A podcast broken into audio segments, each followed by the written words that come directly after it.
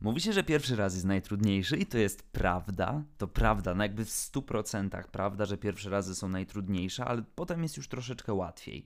Y, no i muszę Wam powiedzieć, że w tym tygodniu takie pierwsze razy mi się zaczęły przytrafiać i na początku było mi to mega ciężko przełknąć, ale już teraz jest coraz jakby lepiej i zaczynam się do wszystkiego przyzwyczajać. O czym mowa? O ludziach pytających, czy Bitcoin urośnie, czy spadnie i czy warto w niego teraz wchodzić. Największy polski serwis poświęcony kryptowalutom i technologii blockchain. Dla tych, którzy się zastanawiają, czy warto, czy nie, i myślą, że ja teraz jakąś puentę tutaj sprzedam, to odpowiadam, nie wiem. Nie wiem, nie znam się. O, nie wiem, nie znam się. To będzie moja ulubiona odpowiedź w tematach tego typu. No, natomiast to, o czym będę udawał, że się znam, to aj, aj, aj, nie, to się nie zgadza, bo jeżeli powiedziałem, że nie znam się, i że to będzie moja odpowiedź. Ja za chwilę będę mówił, ile, ile kosztował Bitcoin i będę mówił o wiadomościach i czy w ogóle jak, jak wygląda entuzjazm na rynku, rynku kryptowalut, to troszeczkę sobie zaprzecza. No dobrze, no to uznajmy, że tej wypowiedzi przed chwilą nie było i przejdźmy po prostu do tego, co działo się w ostatnim tygodniu na rynku kryptowalutowym. Zaczniemy klasycznie od Bitcoina. Bitcoin ma się, słuchajcie, no jak zawsze dobrze. Yy, znaczy, jak zawsze to jest troszeczkę moim zdaniem hiperbola, no ale wiecie, no już jesteśmy przyzwyczajeni od pewnego czasu. 10% wzrost ceny, jesteśmy teraz na poziomie 16 500 dolarów. Jest to wzrost wzrost całkiem spory, jeżeli chodzi o porównanie z ubiegłym tygodniem. Jest e, w sumie taka no, dość ciekawa zależność, można by powiedzieć, wynikająca z tego, że Bitcoin, słuchajcie, w tej cenie był nie, przepraszam, nie w tej cenie, tylko w cenie wyższej od tej, jaką mamy teraz, był tylko przez 12 dni. Spytacie Jędrzej kiedy? A ja odpowiem haha, no w 2017 roku, kiedy doleciał do ATH, czyli do 20 tysięcy dolarów. No i tutaj wszyscy ojejku, naprawdę? A ja odpowiadam, no właśnie wtedy, właśnie wtedy. No w związku z tym y, też pojawiają się oczywiście w sieci pytania, czy teraz jest dobry moment, żeby inwestować, czy jest dobry moment, żeby się tym bitcoinem interesować. Czy jesteśmy na etapie takiej gigantycznej bańki jak ostatnio? Nie wiem, na pewno nie aż tak gigantycznej nie aż tak spektakularnej. No w mediach i na ulicy jeszcze się o tych kryptowalutach nie słyszy aż tak bardzo mocno, no ale spokojnie wierzę, że jak to ze światem kryptowalut bywa, na pewno, na pewno popularność e, wróci, kiedy tylko Bitcoin osiągnie jakiś spektakularny sukces. No na przykład, nie wiem, przeskoczy te 20 tysięcy i znowu zacznie się spekulacja, czy to cudowne dziecko technologii i finansów, czy wielkie oszustwo. I dopóki wszyscy zarabiają, to będą mówili, że no to to jest przyszłość. A potem jak się okaże, że znowu bańka pęknie, to będzie, że no, no nie, to, to jednak nie jest przyszłość, to jest jednak wielkie oszustwo. Tymczasem Ether. Y, Ether dobrze, dobrze, 4,6% w ciągu ostatnich 7 dni, cena 459 dolarów w tym momencie, jak patrzę na wykres, jest to poniedziałek wieczór. Dalej Tether, no w Tetherze jakby bez zmian, jeżeli chodzi o cenę, ale podaż rośnie jak szalona. Na czwartym miejscu bez zmiany również Ripple, E, ze sporym wzrostem, ponieważ aż 14% w skali całego tygodnia, a za nim Chainlink, e, który już na piątym miejscu od jakiegoś czasu się plasuje, jeżeli chodzi o ranking kapitalizacji. E, Litecoin również, jeżeli chodzi o tę pierwszą dziesiątkę, bardzo ładne wzrosty. W zasadzie to powiedziałbym, że najwyższe, jak tak sobie patrzę. No tak, najwyższe w ciągu tygodnia 21 i 30,7 hehe procenta, jeżeli chodzi o wzrost tej starej, ale nadal poczciwej i popularnej kryptowaluty. No, myślę, że jesteśmy wszyscy bardzo ciekawi e, tego, jak temat kryptowalut będzie się prezentował w ciągu przyszłego tygodnia, no bo jesteśmy zdecydowani w bardzo istotnym, czy takim bardzo um, entuzjastycznym czasie, że wiecie, o, co się stanie, co się stanie, no idzie do góry, no to pójdzie dalej do góry, czy spadnie, czy coś innego wydarzy. No, zalecam oczywiście tutaj cierpliwość i zalecam również ostrożność, natomiast no, z takiej perspektywy patrzenia sobie z boku na to, co się dzieje, to wydaje mi się, że jest to jak zawsze bardzo fajny interesujący czas. Zobaczymy, jakie będą konsekwencje. Dla takiego y, może zasiania ziarna niepokoju, y, przypominam też, że mamy takie narzędzie dostępne jak Fear and Greed y, Crypto Index, gdzie jest napisane w jaki sposób, czy jakie są ogólnie teraz nastroje na rynku wśród inwestorów. E, wskazówka tego e, mierza, tego, nie chciałem powiedzieć czasomierza, ale tego wskaźnika jest przechylona maksymalnie w prawo na kolor e, zielony. Oznacza to, że jesteśmy w fazie tak zwanej extreme greed, czyli ekstremalnego, ekstremalnej wręcz rządzy zysku. No, Jak to się ostatnio skończyło, doskonale pamiętamy. Natomiast bardzo serdecznie Wam to narzędzie polecam, ponieważ fajnie jest sobie popatrzeć i zastanowić się, zanim się podejmie jakąkolwiek decyzję e, inwestycyjną, czy w ogóle się podejmie jakąkolwiek decyzję związaną z kryptowalutami. Nawet taką, wiecie, związaną z tym, o, co sobie dzisiaj o nich pomyślę. No to, to jakby świetnie pokazuje, że hej, jeżeli czujesz się bardzo nastawiony na zyski, no to surprise, wszyscy są. nie jesteś jakimś krypto, w sensie nie, że krypto, tylko w ogóle nie jesteś jakimś geniuszem inwestycyjnym. No ale słuchajcie, może przejdźmy teraz do tematu związanego z tym, co faktycznie gdzieś tam wydarzyło się w ciągu ostatniego tygodnia. Mm, I to, co moją uwagę zwróciło, to to, że grube ryby zaczęły transferować swoje majątki w bitcoinie. Tak, wieloryby bitcoinowe, czyli użytkownicy, a w zasadzie adresy, które posiadają bardzo dużą ilość środków, y, troszeczkę się uaktywniły w tym tygodniu. Mieliśmy okazję 11 y, i 12 listopada zobaczyć ruchy duże ruchy. Pierwszym przypadku e, jeden z wielorybów przyniósł 17 187 bitcoinów, to jest e, jakby w pieniądzu, w dolarach 268 milionów aż, na dwa oddzielne adresy, jeden 13 912, drugi 3275, nie mam pojęcia skąd się wziął taki rozkład. Mm, natomiast e, ten portfel od razu stał się 42 najbogatszym portfelem bitcoinowym na świecie. Więc no, widzicie, za naszymi plecami dzieją się gigantyczne rzeczy, gigantyczne y, transakcje. Co możemy w ogóle powiedzieć o tym y, portfelu? Czy w ogóle co możemy powiedzieć o, o, tych adresach, które tutaj były uaktywnione? Bo oczywiście jeszcze był drugi wieloryb, który też przyniósł kwotę 13 900 bitcoinów, więc też jakby gigantyczna wartość i również rozbił te środki na dwa portfele. Właśnie, kto stoi za tymi transferami? E, krótka odpowiedź, nie wiadomo. Dłuższa, raczej nie inwestycje e, instytucjonalne, raczej nie platformy, raczej nie giełdy. Bardzo możliwe, że mm, jest to jakaś spółka, która obraca czyimiś bitcoinami, czy zabezpiecza bitcoin w imieniu jakiegoś inwestora, natomiast raczej nie jest to w żaden sposób powiązane z jakąś dużą firmą kryptowalutową, którą znamy. Oczywiście pojawiają się też spekulacje, że zawsze, kiedy tak duże środki są przesyłane, no to najprawdopodobniej są to pieniądze jednego z early adopterów, którzy możliwe, że pamiętają jeszcze erę Satoshiego Nakamoto, jednakże oczywiście jest to cały czas, powiedziałbym, takie. E, no, bardzo często bez bezpośrednich jakby dowodów jest takie troszeczkę wishful thinking i wydaje mi się, że w sporej mierze Bardziej jest to, y, bardziej to służy takiemu podkreślaniu tego, że no gdzieś tam jest ten taki aspekt y, tajemniczości związany z Satoshi Nakamoto i z początkami funkcjonowania Bitcoina, gdzieś tam w tej bardziej y, głębokiej sferze internetu. I nie mam tu na myśli Deep Webu, mam na myśli po prostu świat prawdziwych bitcoinowych OGs. A skoro mówimy już o y, dużych liczbach, to y, jest taki, wiecie, fajny amerykański sposób na przeliczanie y, miar wielkości masy na boiska futbolowe, samoloty, czy po prostu duże zwierzęta, bo jakby no, Amerykanie wolą sobie wyobrażać wszystko na jakichś rzeczach, które mogą sobie porównać. No to teraz słuchajcie, E, będziemy patrzeć na to, ile można kupić Big Maców za jednego bitcoina. I to jest bardzo poważny wykres. To jest wykres e, siły nabywczej bitcoina w stosunku do Big Maca. E, no i muszę Wam powiedzieć, że teraz, czy przepraszam, inaczej, jakby 17 grudnia 2017 roku, kiedy mieliśmy ATH to około 20 tysięcy, Bitcoin był wart 6358,5 Big Maca. E, dołek, e, do którego spadliśmy najniżej, to zaś była wartość 1200 Big Maców, natomiast teraz no, zmierzamy, zmierzamy, zmierzamy znowu w te liczby powyżej 6000 i gdzieś zaczynamy oscylować właśnie koło tych 6200, może 300. Dlatego zobaczymy, gdzie to dalej pójdzie, no bo ten indeks jest, no słuchajcie, niesamowicie ciekawy i interesujący, czyli można porównać sobie internetowy pieniądz do jednej z najpopularniejszych kanapek na świecie. To, co jest jednak istotne, jeżeli nie znacie historii indeksu Big Maca, to Wam chciałbym ją troszeczkę przybliżyć.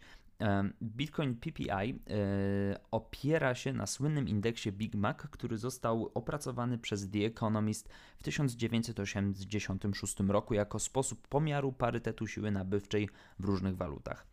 Siła nabywcza jest użytecznym sposobem pomiaru, ile towarów i usług można kupić jedną jednostką pieniędzy. Yy, konkretnego pieniądza w zasadzie. Chociaż indeks Big Mac powstał jako coś w rodzaju żartu, stał się wiodącym wskaźnikiem siły nabywczej i został wykorzystany w dziesiątkach badań akademickich. No właśnie, wskaźnik PPI Bitcoina od początku października wzrósł ponad 41%. Jak wynika z danych TradingView, w tym samym okresie czasu cena Bitcoina wzrosła o 39%. Od początku roku zyskał aż 128% wartości. No właśnie, e, Bitcoin e, radzi sobie świetnie, jego wycena w Big Macach również. Myślę, że wszyscy ci, którzy uwielbiają fast foody, powinni być z tego powodu zadowoleni. Inwestujcie w Bitcoina, dlatego żeby się nażreć. Eksperci z MIT nie ufają systemom głosowania opartym o blockchain. Y, o co chodzi? No, jest taki temat, taki nurt, takie zagadnienie, które od dłuższego czasu pojawia się i wraca, jest czasami opracowywane przez niektóre państwa, czasami w sektorze prywatnym, czasami w sektorze publicznym, czasami bardziej, czasami mniej poważnie. Jest to związane z głosowaniem na blockchainie. To głosowanie na blockchainie w dużej mierze ma służyć temu, żeby zastąpić tradycyjny sposób głosowania bezpośredniego yy, poprzez wprowadzenie nowej technologii właśnie do tego oto procesu. No i wydaje się, że to wszystko jest piękne, ładne i eleganckie, no bo przecież nie da się tego absolutnie w żaden sposób fałszować, że ten rejestr prowadzony, przez, prowadzony w blockchainie no jest świetnym narzędziem do tego, żeby właśnie takie głosowania przeprowadzać, no ale jednak okazuje się, że nie dla wszystkich. Eksperci z MIT krytycznie wypowiedzieli się o takim sposobie głosowania. Co jest tutaj jakby największym problemem tak naprawdę, to oczywiście ryzyko ataków hakerskich, którzy mogliby manipulować przy tak zwanych tutaj w cudzysłowie urnach. Y, o co chodzi? Przede wszystkim jest y, to związane z tym, że ciężko jest przewidzieć przyszłość w przypadku tego typu głosowań. Można tutaj dochodzić tego, że mogą się pojawić pewnego rodzaju problemy związane z systemami do zliczania głosów. To jest jeden z bardzo dużych problemów związanych z tym, że no, jeżeli liczenie głosów będzie się odbywało poza blockchainem, no to pytanie, yy, jaki system będzie w stanie te głosy odpowiednio zliczyć i czy nie będzie ten system w jakiś sposób narażony na yy, ataki, oczywiście. Yy, również istnieją obawy związane z potencjalnym brakiem tajemnicy wyborczej, no ponieważ głosy oczywiście pozostaną jawne, no to w jaki sposób trzeba będzie je katalogować.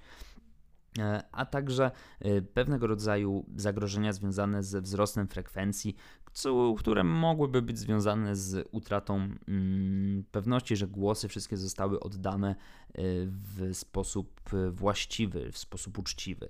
No bo umówmy się, że o ile blockchain sam w sobie może te głosy katalogować, no to też nie mamy pewności, co będzie się działo zanim głos ten zostanie oddany. No przecież jakiś obywatel powinien mieć jakieś hasło czy sposób do logowania się do pewnego systemu internetowego. No i kto wie, e, czy do tego systemu pod tymi inicjałami, pod tymi danymi za, zarejestrowała się, zalogowała się właśnie ta osoba, która ma oddać głos. E, no, jest to w pewien sposób trudne do implementacji, aczkolwiek, jak dobrze wiemy, to cały czas jest temat e, pieśni przyszłości, więc na pewno będziemy musieli poczekać. Ale jak się okazuje, MIT jest wobec tego pomysłu krytyczne. Niektóre państwa nad tymi rozwiązaniami pracują. Pytanie, czy będzie to miało rozwiązanie pozytywne. No, na finał przyjdzie nam jak zawsze poczekać. Ja uważam, że to jest bardzo duże wyzwanie i osobiście też uważam, że e, głosowanie bezpośrednie, takie jak e, my robimy, czy głosowanie bezpośrednie, takie osobiste, papierowe, że się idzie do szkoły i się głosuje, nie jest rozwiązaniem idealnym, ale niestety nie wiem, w jakim stopniu technologia byłaby w stanie poradzić sobie z tymi wyzwaniami, które mogą się w tej sferze e, cyberprzestrzennej, powiedzmy, pojawić. Deutsche Bank mówi, że CBDC zastąpi gotówkę. Temat CBDC wraca raz na jakiś czas i sporo instytucji się o nich wypowiada. O co chodzi? CBDC to tak zwane waluty cyfrowe banków centralnych. Chodzi o to, że dążylibyśmy do tego, żeby banki centralne zastępowały swoje własne waluty, yy, takie jak złotówka na przykład, yy, odpowiednikiem, który byłby walutą cyfrową, kryptowalutą inaczej. Yy. Jest to uważam bardzo fajny temat, dużo bardziej taki realny y, z perspektywy czasu niż y, implementacja głosowania na blockchainie. Natomiast wydaje mi się, że ten temat gdzieś tam może, może, może postępować. Natomiast przyjrzyjmy się tego, jak wygląda, e, jak wygląda tutaj temat y, wprowadzenia CBDC właśnie przyszłości. Dlaczego CBDC miałoby w ogóle zastąpić gotówkę? Y, w raporcie wydanym przez Deutsche Bank możemy y, przeczytać, że trwająca pandemia przyspieszyła cyfrową rewolucję gotówkową. Według banku gwałtowna zmiana ostatecznie umożliwi CBDC, takim jak chiński yuan czy szwedzka korona, zastąpienie gotówki. Bank wezwał rządy krajowe i firmy prywatne do pracy w tym zakresie. Ogólnoświatowe blokady i środki utrzymujące dystans społeczny to tyl tylko zwiększyły wykorzystanie kart zamiast gotówki. Aby na to odpowiedzieć, firmy i decydenci muszą zaprojektować alternatywę dla kart kredytowych i znieść opłaty pośredników. Na razie priorytetem muszą być regionalne systemy płatności cyfrowych. W dłuższej perspektywie waluty cyfrowe banków centralnych zastąpią gotówkę. E, taki jest wniosek z raportu Deutsche Bank. Um, no właśnie. Yy, no, jeżeli to jest kolejny krok na drodze do rewolucji, spoko. Yy, myślę, że można gdzieś yy, to, to, to, to, to mm, uznać za jakiś, za, za bardzo ciekawą propozycję. To, co jest bardzo tutaj interesujące w tym raporcie, czy w ogóle w tej wypowiedzi, w tej informacji, którą tutaj możemy przeczytać, to to, że bardzo mocno powołuje się na kwestię usunięcia opłat pośredników, czy w ogóle jakby e, ograniczenie, czy, czy, czy w ogóle zauważenie tego, że pośrednicy finansowi mogą być pewnego rodzaju problemem w tym obecnym systemie, w którym funkcjonujemy. Więc to jest to, co było takim dość pierwotnym założeniem Bitcoina, już gdzieś na poziomie jego white paperu. Więc e, wydaje mi się, że jest to krok w dobrą stronę, jest to krok, który pokazuje, że mm, faktycznie y, jest taka implementacja potrzebna w takim szerokim ujęciu systemowym. Natomiast znowu, no to jest wszystko pieśń przyszłości, wszystko przez przyszłość. Możemy się założyć, nie wiem, o to, co będzie pierwsze, czy głosowanie na blockchainie, czy CBDC. No, wydaje mi się, że nad oboma tymi rozwiązaniami będziemy musieli jeszcze troszeczkę sobie pokminić i będziemy musieli na nie poczekać. Na koniec, słuchajcie, ciekawostka. Ciekawostka, która nie za wiele tak naprawdę nam daje, ale no myślę, że dla tych, którzy lubią mm, słuchać o tym, y, gdzie można zapłacić bitcoinem, to będzie coś miłego i sympatycznego. Otóż w Stanach Zjednoczonych za, za paszport zapłacisz w bitcoinie.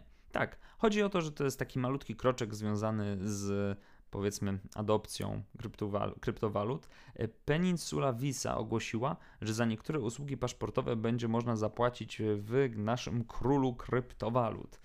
E, no fajnie, fajnie, jakby fajnie, że można to zrobić. Czy to coś znaczy? Nie. Czy to dokądś nas prowadzi? No nie. Jeżeli można będzie zapłacić większej ilości miejsc z bitcoinem, fajnie. Czy to coś daje? No.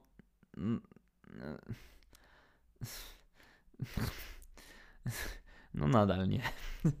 Natomiast no jeżeli, nie wiem, jesteście w Stanach i chcecie sobie wyrobić paszport czy coś, jesteście obywatelami Stanów, chcecie wyrobić paszport, no to możecie to zrobić. Nikt wam nie broni. A nawet niektórzy znając życie, to by trzymali za was kciuki. No to ja też za was trzymam. I wszystkiego dobrego. To wszystkiego dobrego to powinno być takie zakończenie podcastu, wydaje mi się, więc y, dobrze się składa, ponieważ y, przejrzeliśmy już wszystkie tematy, które były przeze mnie zaplanowane w tym tygodniu. No wiecie, teraz normalnie jeszcze z dwa miesiące temu bym powiedział, że najciekawszym zajęciem, jakie można sobie znaleźć, y, to patrzenie na to, jak rośnie Bitcoin. No ale teraz to jest faktycznie prawda, bo tam no, dzieje się bardzo dużo ciekawych rzeczy i tak kątem oka zawsze patrzę, u, to już przebiliśmy kolejny poziom, tak? Było, już jest 16, tak, już jest 16, wow, już jest 16, super. Um, no więc teraz to jest ciekawe, więc jeżeli nie macie co robić, to popatrzcie jak Bitcoin rośnie.